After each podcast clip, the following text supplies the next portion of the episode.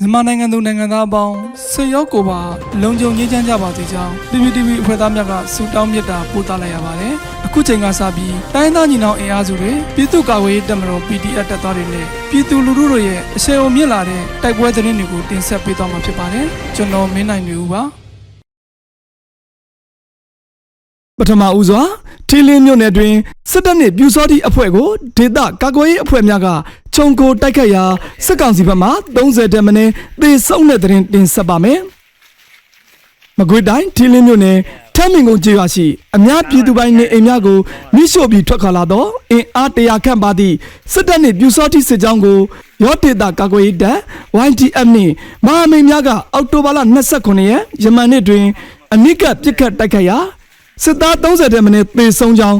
YGF ကသတင်းထုတ်ပြန်ပါတယ်။အဆိုပါခလာရ90တပ်ဖွဲ့နှင့်ပြူစောထင်းများသည့်ဒီလင်းမြို့နယ်အတွင်းတလကြော်ကြာစစ်ကြောင်းထိုးနေပြီးအများပြည်သူပိုင်နေအိမ်များကိုမိရှို့ဖျက်ဆီးနေသောအဖွဲ့ဖြစ်ကြောင်းသိရှိရပါတယ်။တိုက်ပွဲဖြစ်ပွားချိန်တနအီကျော်ခန့်ကြာမြင့်ပြီးဒေသကာကွယ်ရေးတပ်များကလက်နက်ငယ်များဖြင့်အနိကတိုက်ခိုက်သလိုလက်နက်ကြီးများဖြင့်ပါပစ်ခတ်ခဲ့ခြင်းကြောင့်စစ်ကောင်စီဘက်မှ30တဲ့မနေ့သေဆုံးခြင်းဖြစ်ကြောင်း YTF ကထုတ်ပြန်ထားပါတယ်။ ဆက်လက်တင်ဆက်မှာကတော့ဗန်ဘေးကျွရရှိစစ်ကောင်စီတပ်ဖွဲ့ကိုဒေသကာကွယ်ရေးတပ်ဖွဲ့များကလက်နက်ကြီးများဖြင့်ပစ်ခတ်တိုက်ခိုက်တဲ့တဲ့ရင်မှာ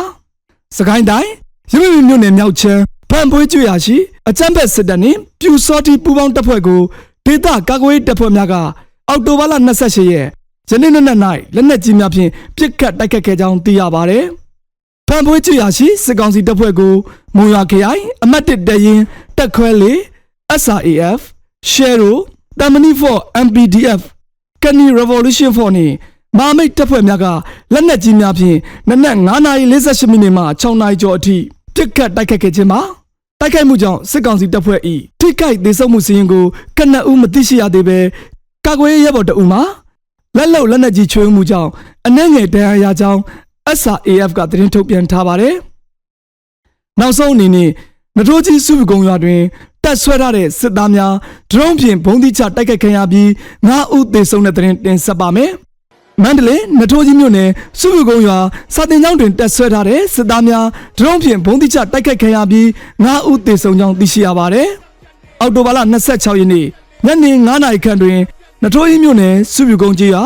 စာတင်ကျောင်းတွင်တက်ဆွဲထားတဲ့စစ်သားများဒရုန်းဖြင့်ဘုံတိချတိုက်ခိုက်ခံရပြီး9ဦးသေဆုံးကြောင်းသိရှိရပါတယ်ခင်ဗျာ။